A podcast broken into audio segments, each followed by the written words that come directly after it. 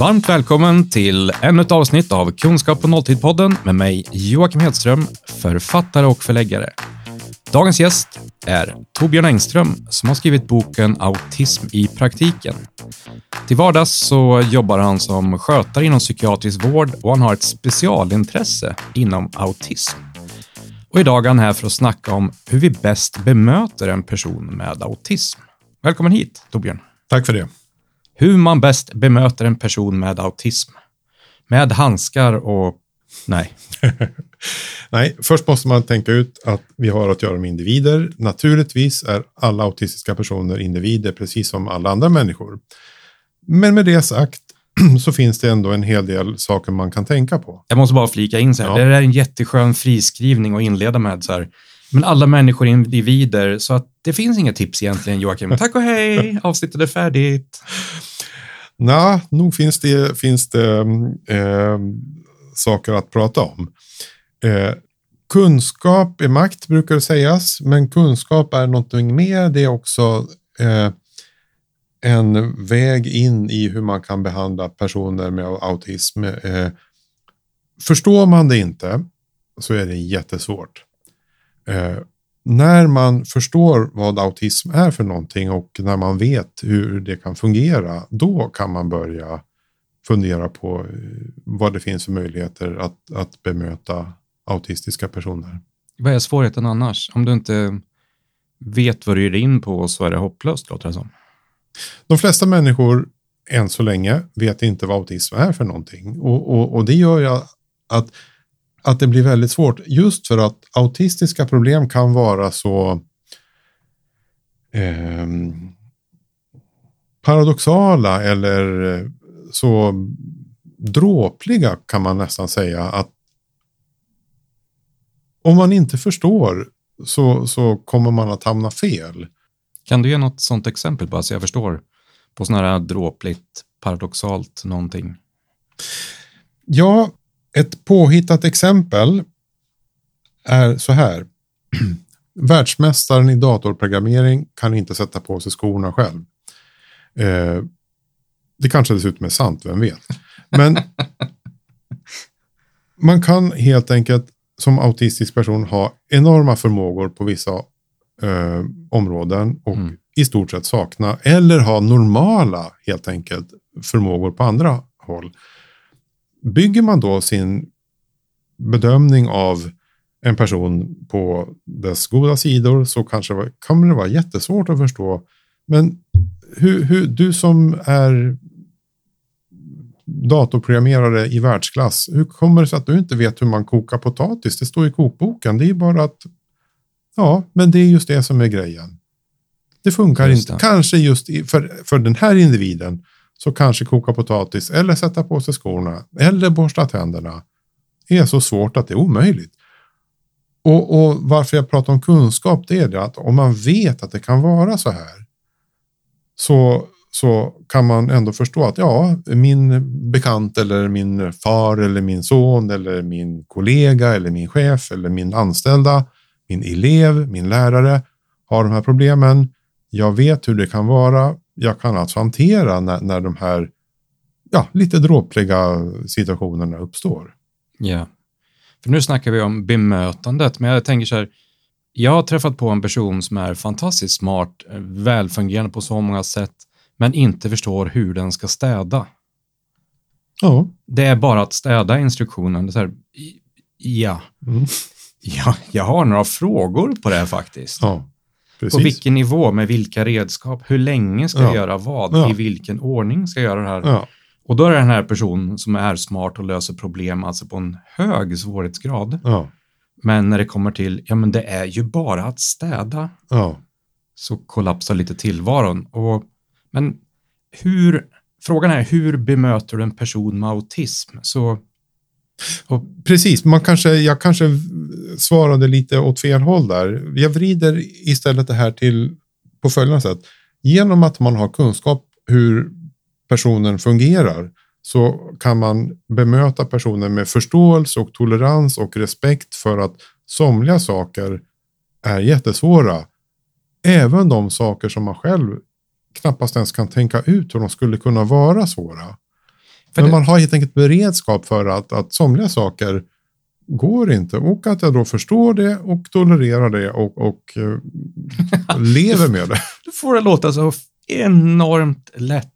Det första steget är ju såklart då autism känna till vad autism är och att en person har autism. Exakt, där måste man börja. Annars eh, så, ja men om en person ägnar tre dagar åt att damma av en bänk för den inte vet när den är klar, så behöver det inte vara autism. Det kan vara någonting annat som stökar också. Det kan absolut vara någonting annat. Eh, så jag tänker bara, jösses, men du får det samtidigt låta så lätt med bemötandet.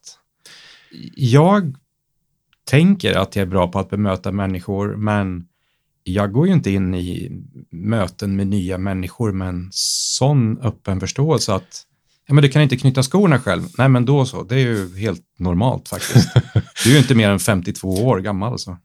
Man får beakta att jag jobbar inom psykiatrin. Jag har jobbat heltid kan man säga med autism i sju år eller någonting sånt där. Och, och jag har på ett vis lärt mig då hur det kan vara och är beredd på det. Det är min vardag kan man säga i den meningen. Nu har jag dessutom skrivit den här boken om det så att det här ligger nära för mig. så att jag, jag, är helt enkelt beredd. Men, men det här gör det intressant med att skjuta in för att du jobbar med det, du har gjort det i sju år. Men om du lämnar jobbet, hur bemöter du en person med autism? När du möter människor ute, har du samma, samma förståelse, samma tålamod? om personer börjar vackla lite i bilden de skickar till dig som ja, men jaha, men det här är kanske för att du har någon utmaning, svårighet, diagnos, någonting sånt. Ja, ja det gör någon det. slags antenner tycker jag väl att jag har utvecklat uh, för autism under de här åren. Okay. Eh, det känns nog som att jag ganska ofta kan se okända människor på stan och så tänka att mm, här har vi nog en autistisk person. Uh, det, det är nog riktigt. Men vi som inte kanske är så vana då?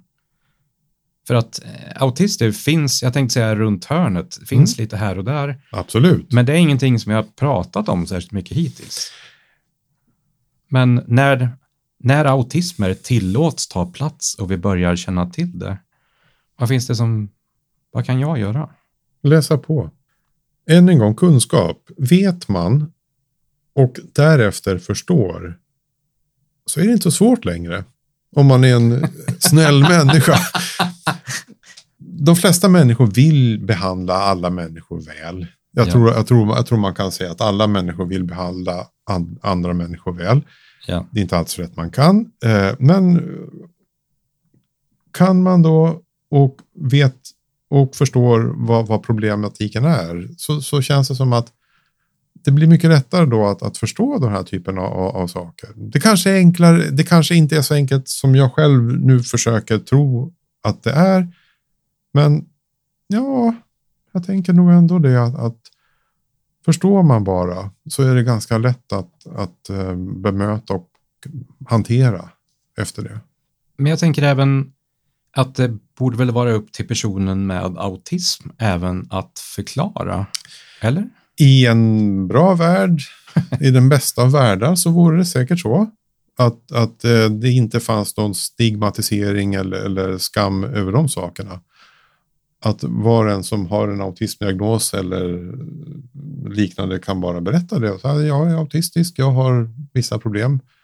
Eh, men vi kan jobba ändå tillsammans om, om man nu är kollegor. Ja. Eh, vi är inte där än som samhälle. Men tack vare min bok så kanske vi kan, samhället kan komma ett steg närmare den här ideala tillvaron. Men det är nog mycket kvar.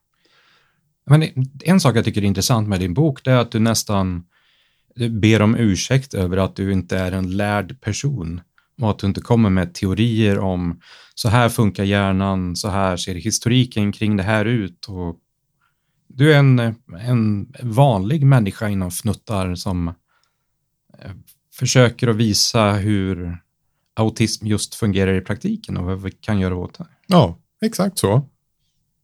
Jag, jag, är inte professor, jag vet ingenting om signalsubstanser i hjärnan, jag vet ingenting om sannolikheten för att arvsmassan ska gå enligt vissa riktningar.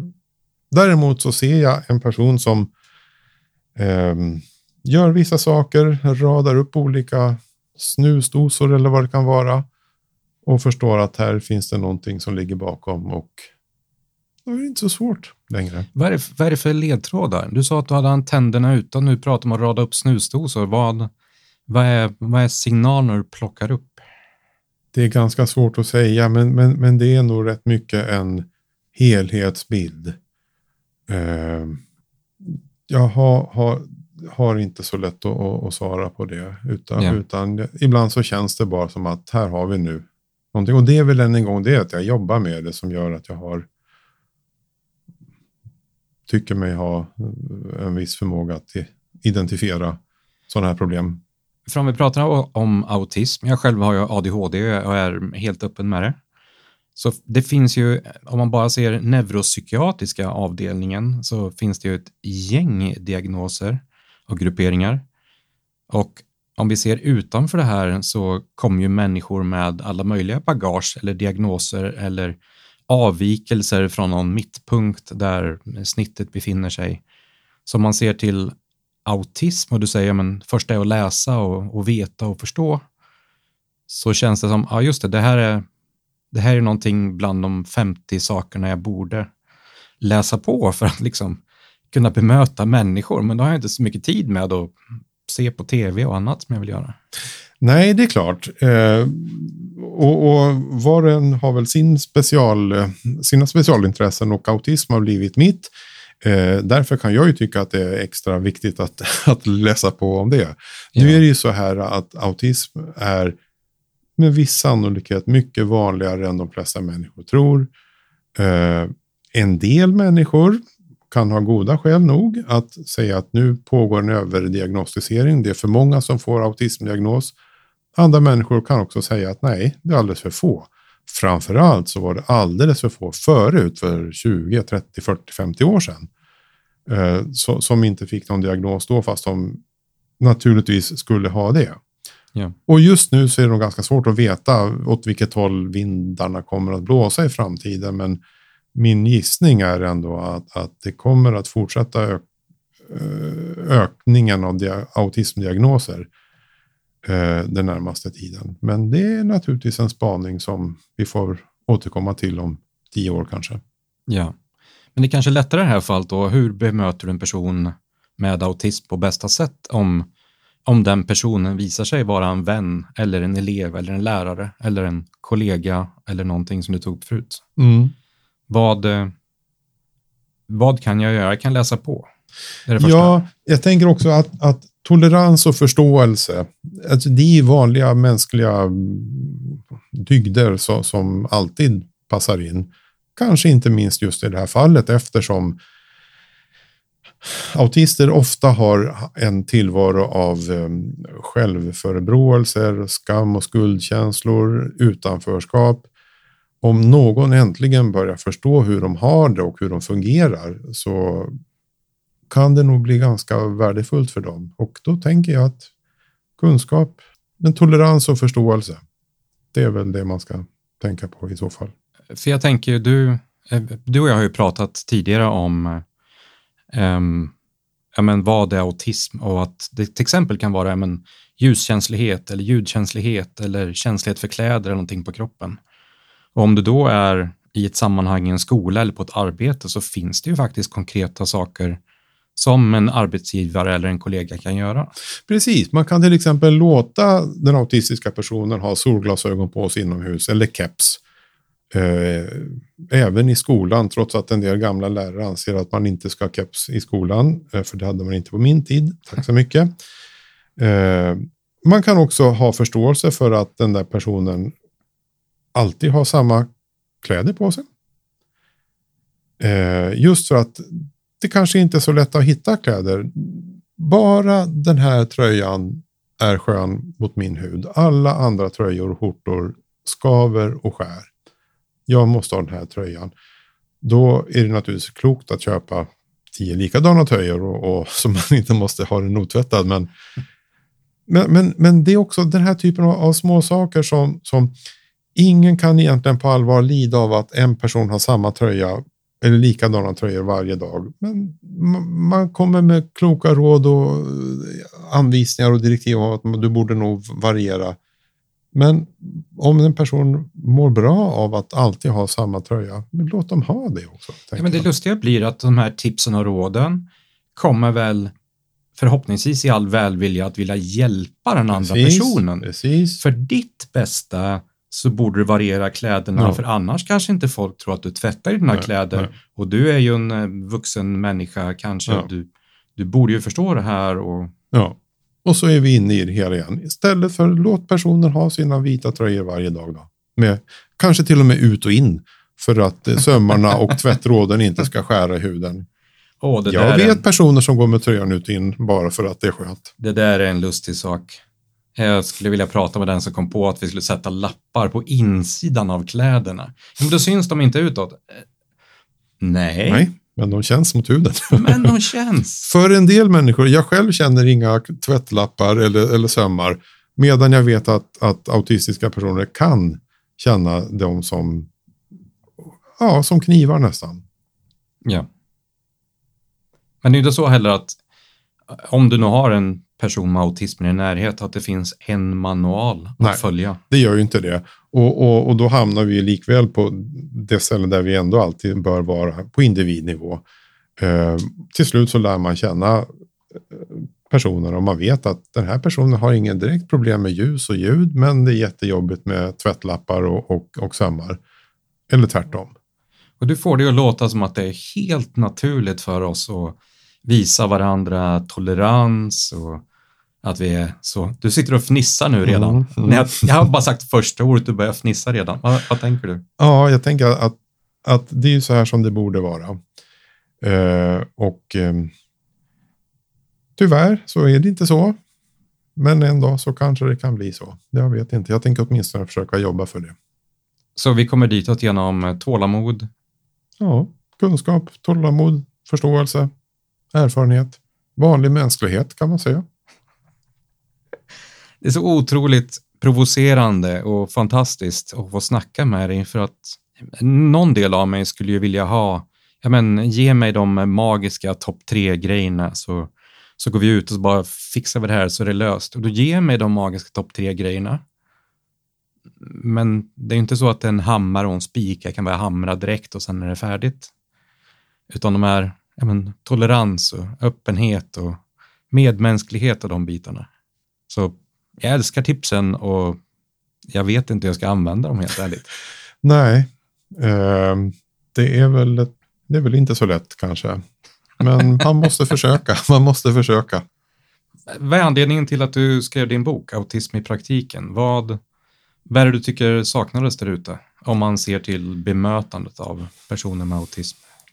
Ja, det är väl just det här förståelse. Därför att än en gång, jag tror att de flesta människor, för att inte säga alla, vill vara vänliga och trevliga mot, mot andra människor. Men om man inte förstår, om man tycker att det är jättekonstigt att en person måste ha tröjan ut och in och solglasögon på sig även inomhus. Då kan man se att det är inte så konstigt om den personen börjar ifrågasätta e- eller eh, eller försöka undervisa hur man egentligen ska ha det.